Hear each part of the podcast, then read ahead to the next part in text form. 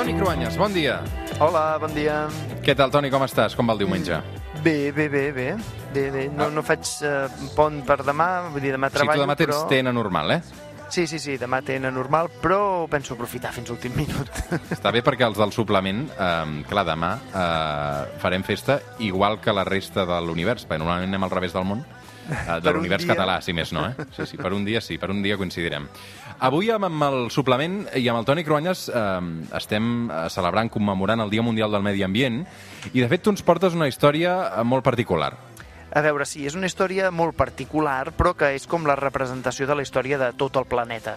Eh, Davant del perill de destrucció de la Terra, avui em fa gràcia explicar com des de les primeres civilitzacions, precisament el nostre entorn, els paisatges, són els que s'havia considerat eh, perdurables. És a dir, els homes i les dones morien, però el paisatge es quedava. Per això les primeres tribus i societats creien que els arbres eren déus o que les muntanyes eren sagrades. Pensaven que ells representaven la continuïtat, allò que els humans tant anhelem, la immortalitat. Ara que sabem que també estem destruint el planeta per l'activitat humana, la perspectiva que tot això pugui desaparèixer encara ens fa més por. De fet, és normal que ens faci por, no? Perquè les condicions eh, de vida ens poden canviar i, i la Terra pot acabar sent un planeta que això de moment segurament a tu i a mi no ens tocarà gaire, però potser si els nostres fills, no? que sigui molt difícil de viure al, al, Oh, al planeta clar. Terra. Clar, clar, no? en això tens tota la raó. Però jo et parlo més des d'una perspectiva, diguem, més filosòfica o, o religiosa o gairebé política, no? Mira, aquest, aquesta setmana hem celebrat els 70 anys de regnat d'Elisabet II. Que aquesta dona sembla que ens enterri a tots d'alguna manera perquè el temps va passant, però ella es manté al tron, eh? Clar, el món canvia i ella, impassible, es manté allà, imperturbable. És com un antic edifici de pedra, que sempre hi ha sigut, com una catedral, o com les piràmides d'Egipte. Avui parlarem d'éssers vius que són els més longeus que coneixem i que han gaudit d'una gran admiració. I aquí ens referim a als arbres. Clar, és que tu sabies, però l'arbre conegut que fa més anys que és viu es calcula que té 4.853 anys i encara és viu. 4.800 anys i, i encara es viu i... mm, Clar, fa molta gràcia com compten els anys dels arbres, no? A veure- Com, com saben exactament quants anys té? Es calcula pels anells que es veuen dins dels troncs i, i altres mètodes. Jo, jo no en sé, eh? jo no sé de biologia ni de ciències ni de gaire res, però mira, aquest arbre concret es diu Matusalem. Li diuen així perquè Matusalem, sabeu, és un personatge bíblic que és, és conegut perquè va viure molts anys. Doncs mira, aquest arbre és un pi de l'espècie Pinus longeva, viu a l'estat de Nevada, als Estats Units, en un parc natural a més de 3.000 metres d'altura, entre altres pins que són de la mateixa espècie. Els americans en diuen bristlecone, d'aquests pins, tenen uns troncs retorçats, de fusta blanca, potser n'heu vist alguna foto. La seva fusta va creixent tan lentament que es torna massa densa perquè els escarbats o les malalties hi puguin penetrar.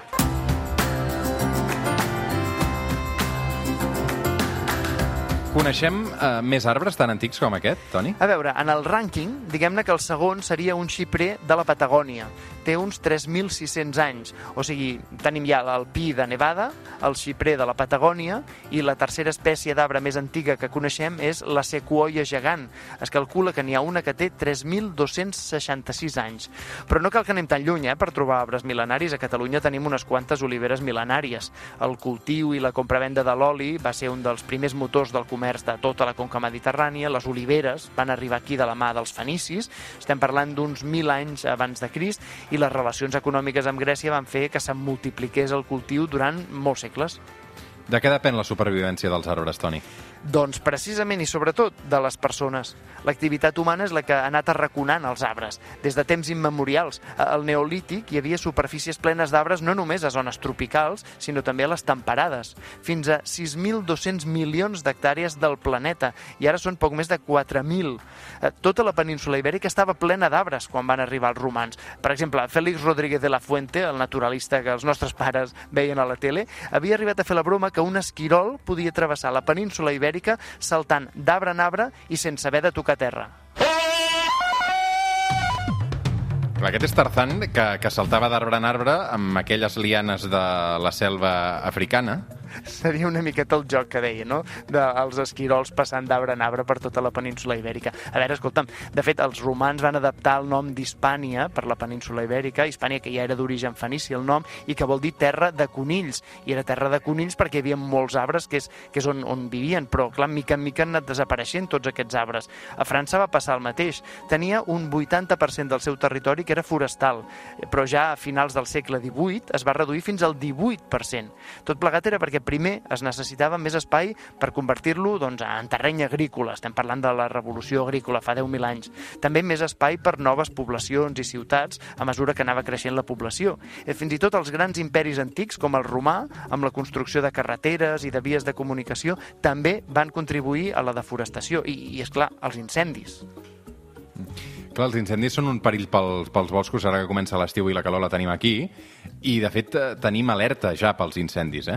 Ja aquesta setmana ens han avisat. A veure, és que de fet tot això que jo et volia explicar, eh, en realitat la història d'aquests arbres mil·lenaris és precisament per alertar sobre el gran perill que és la deforestació, sempre causada per l'activitat humana. Des de fa 10.000 anys, que és quan es va iniciar la revolució agrícola, fins després, i clar, parlem evidentment de la revolució industrial i al segle XVIII, però és que també ara, o sigui, quan una persona pot tirar una vorilla encesa per la finestreta del cotxe en una carretera, això pot provocar un incendi que acaba carregant-se un bosc sencer. El pol sud es va fotre ja fa 20 anys. No existeix l'hivern i no baixem de 30 graus. Perdut aquesta gran batalla, almenys l'únic bosc que Terrassa ja tiene playa. La realitat virtual... Avui consciència mediambiental, també des de la perspectiva històrica amb el Toni Cruanyes, acabarem amb aquest rap del Lil Dami, que es diu 2080. Lil Dami s'imagina una catàstrofe ecològica per uh, d'aquí a 60 anys, Toni. Sí, la veritat és que és divertida la lletra de la cançó i, clar, amb una gran voluntat de conscienciació, que és una mica el que toca avui, eh, Dia Mundial del Medi Ambient. Lil Dami, que aquests dies el veiem també fent de jurat Eufòria, que sé que t'encanta, Toni.